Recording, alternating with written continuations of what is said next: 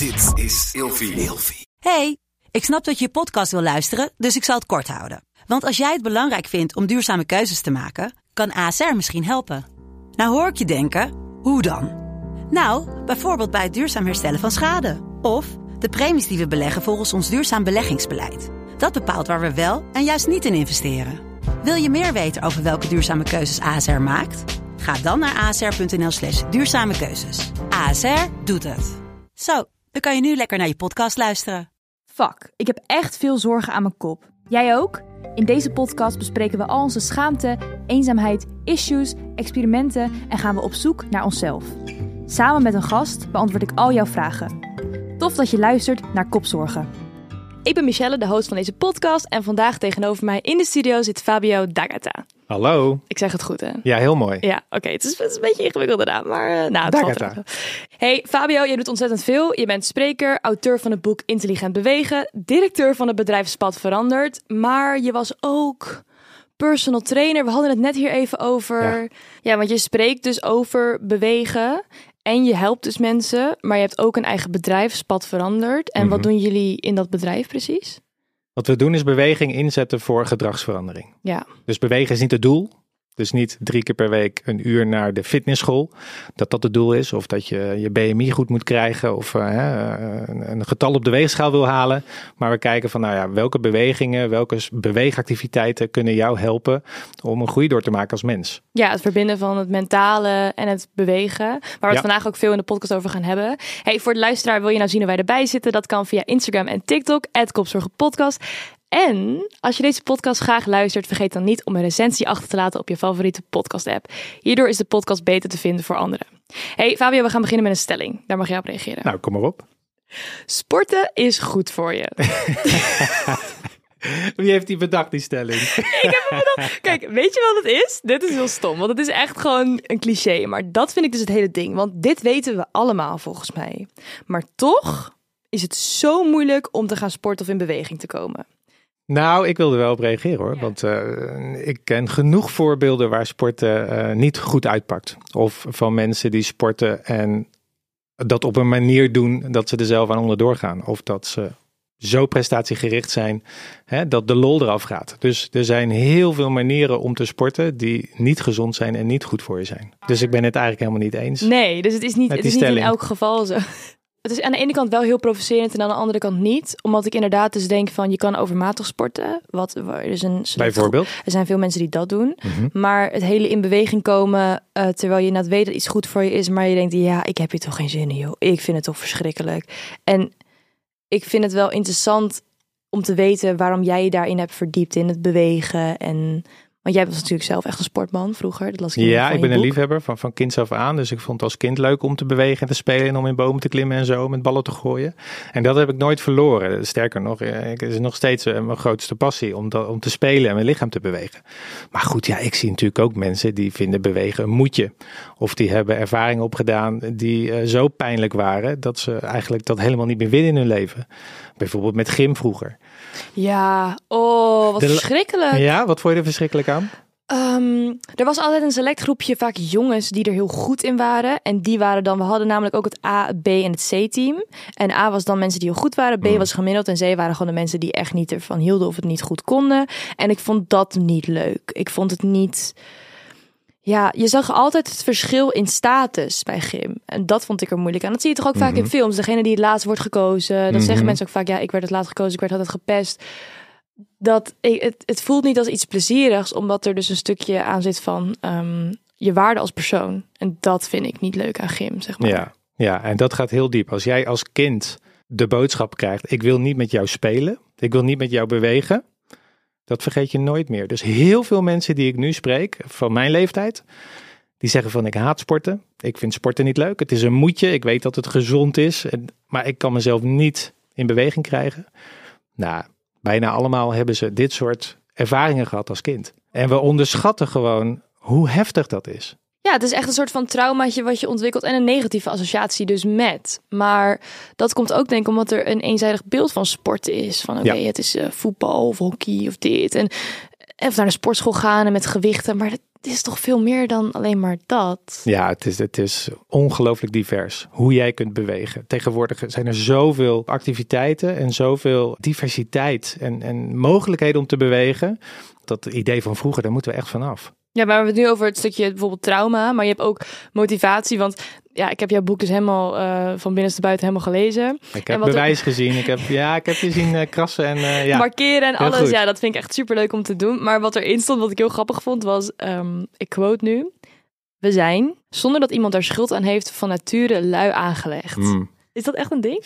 Dat is een ding. Ja, we komen moeilijk van de bank. Hè? En we zijn energie-efficiënt. En dat is, ja, als je naar die miljoenen jaren terugkijkt, dan is dat de, een van de belangrijkste redenen geweest dat we hebben kunnen overleven. En dat we nu bovenaan de voedselketen staan. Want ja, we zijn heel efficiënt geweest. We hebben onze energie gebruikt op momenten dat we moesten overleven en er echt moesten staan. En als het dat er niet is, als die noodzaak er niet is, ja, dan laten we gewoon pizza's thuis brengen, pakketjes thuis en dan zetten we Netflix aan. En dan nou, is er niet echt reden, echt niet echt een noodzaak om uh, hè, flink te gaan zweten. Ja, maar dat is wel grappig, want er zijn dus eigenlijk in de wereld van nu helemaal geen noodzaken meer om iets te gaan doen, toch? Nou, ja, er is er één en dat is als je echt ziek bent of echt in de shit zit, hè, dan heb je opeens een noodzaak. Bedoel je mentaal? Ja, mentaal bijvoorbeeld. Of, of eh, als je lichaam ziek wordt. Of hè, dat je denkt, oh, dat, sporten is goed voor me en ik zou dat toch uh, meer moeten doen hè, of bewegen. Maar ja, als je een beetje zo door het leven kabbelt, dan ja, wat is dan de noodzaak om echt te gaan bewegen? Ja, maar er zijn dus wel mensen die dus wel beginnen ermee, zonder dat ze de noodzaak denk ik voelen, met een bepaald doel. En dan uiteindelijk toch afhaken. Dus je houdt het een paar weken vol totdat het een regenachtige dag is. en dan denk je gewoon continu, hè? Ja, maar Hoe, hoe, hoe kan dat, zeg maar? Hoe kan het dat je zo gemotiveerd aan iets begint en denkt, dit is goed voor me, ik ga dit doen, bam, bam, Je houdt het drie weken vol, laat maar zeggen. En dan denk je, ja, en dan haak je toch af. Ja, dan heb je niet de goede motivatie te pakken. Nee? Nee, dan is de motivatie te oppervlakkig. Ik heb dat ontdekt toen, toen ik zelf uh, verantwoordelijk was voor een uh, fitnesscentrum. Daar hadden we een, een programma bedacht dat heet uh, 10 kilo afvallen in 10 weken. In januari werd dat gelanceerd natuurlijk, want dan wil iedereen afvallen. Nou, het was een mega succes. Super veel deelnemers. Een klap met geld uh, betaald, want het was hartstikke duur. Nou, ga maar eens in 10 weken 10 kilo afvallen. Kan dat überhaupt wel, logistiek gezien? Het is nul mensen gelukt. het is nul, en dat doet pijn, hè? Want ja. je ziet ze af, afhaken. En, en dat is pijnlijk, want in het begin denkt iedereen echt van ja, we gaan het gewoon redden. Weet je. Ik ga het gewoon redden. Nu gaat het me lukken. 10 kilo in 10 weken. Maar dat is een oppervlakkige motivatie. Dus dan krijg je ook een grote kans dat je uitvalt. Het is te licht, weet je wel. En daar gaat het al mis. Dus ja, waarom kom je überhaupt in beweging? En dan is het ook inderdaad, je wilt 10 kilo afvallen voor je, je lichaam. Voor wat? Of waarvoor? Voor wat? Dat Misschien, is de vraag. Je, je, ziet het ook vaak niet eens. En wat ook vaak gebeurt toch is dat je uh, dan stopt en het is gelukt. En dan kom je er gewoon weer aan of meer. Mm -hmm. Ja, ja, dat hoor je toch super vaak. Het is de verkeerde focus. Ja, ik... Um, ik, ja, ik, ik vind het een heel interessant ding, motivatie. Ik heb er ook een vraag over, een luisteraarsvraag. Want we krijgen veel luisteraarsvragen binnen. Ja. En ik had even gevraagd van jongens, is er iets wat jullie willen weten over motivatie en sport? Het grappige is ook dat ik vaak vragen binnenkrijg over mentale klachten en piekeren. Maar bijna niet over sporten en bewegen. Dus mensen linken dat ook zeg maar niet. Dat is wel interessant. Maar goed, dit gaat over motivatie.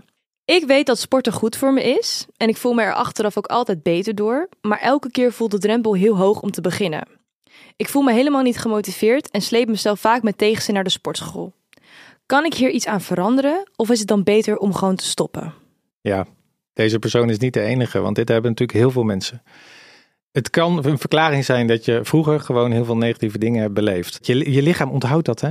Lichaamsgeheugen, die onthoudt gewoon, dit was verschrikkelijk. En dit wil ik niet nog een keer. Dus het kan zijn dat je dat, dat je tegenhoudt. Het kan ook zijn dat je zoveel hebt gegeven al in de dag. Dat je s'avonds helemaal geen energie meer hebt om, om, om naar de sportschool te gaan.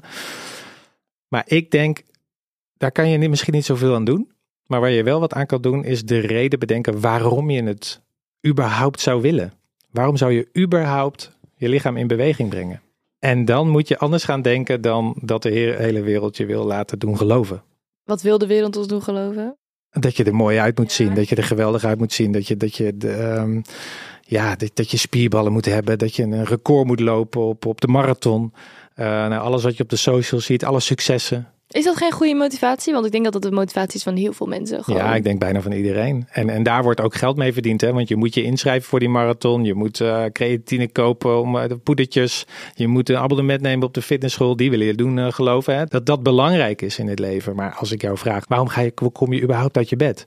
dan zeg je niet ja om, eh, om de kilo's hè, of om, eh, om dat plaatje op Instagram. Dat is toch niet echt waar je warm van wordt. Maar wat is dan een motivatie waarvan je denkt van... Ja, dat zou wel echt meer je vuurtje laten branden dan een mooi lijf. Voor mij nu zijn dat, is dat mijn vaderschap bijvoorbeeld. Ik heb twee kindjes. Maar toen ik student was, toen had ik last van eh, angsten en paniekaanvallen. Ja, dan, dan doet het er toch niet toe hoeveel, hoeveel ik weeg. Ik had de wens, de droom om angstvrij door het leven te gaan en om mijn werk te kunnen doen zonder bang te zijn van wat mensen van me vinden bijvoorbeeld. Ja, maar je zegt het nu wel, maar jij Ja. had ook wel echt een atletisch lichaam toen volgens mij. Jij sport al heel veel. Ja, Dus, dat is een voordeel. Hè? Dus, Stel dus dat jij wel overgewicht had, dan was het antwoord ook heel anders geweest, denk ik. zou kunnen, maar dan nog zit er onder de wens om af te vallen zit een, een veel diepere wens. Ja, waarschijnlijk dan om gezien te worden of geaccepteerd, Ja, bijvoorbeeld. ja, of om geliefd te worden. Dus dat je, dat je een levenspartner wilt. Of dat. Maar sporten om geliefd te worden vind ik ook niet echt een hele goede motivatie, toch? Nee, maar daarom zou je hem wel zo kunnen formuleren van joh, ik zou graag verliefd willen worden. Of dat iemand verliefd op mij wordt. Of dat ik ga samenwonen. Of dat is diep van binnen misschien een vuurtje die groter is dan dat je ochtends op de weegschaal gaat staan en denkt, ah shit, weer, het is weer niet gelukt. Terwijl ik gisteren zo eh, mijn best heb gedaan. Ja, dat is wel zo. Maar ik vind het toch lastig, want ik zou ook niet gaan bewegen om eh, inderdaad ja, geliefd of dat. Ik doe het inderdaad ook voor mijn mentale gezondheid, omdat ik dus ook door een depressie ben gegaan. En toen ben ik, heb ik ook bedacht van ik moet echt blijven lopen. Ik moet blijven lopen, want anders word ik helemaal gek. Maar als ik dat niet had gehad en ik was gewoon oké en een beetje van nee, nee, nee, nee. Ik weet niet of ik dan was gaan sporten, want ik had een motivatie net zoals jij.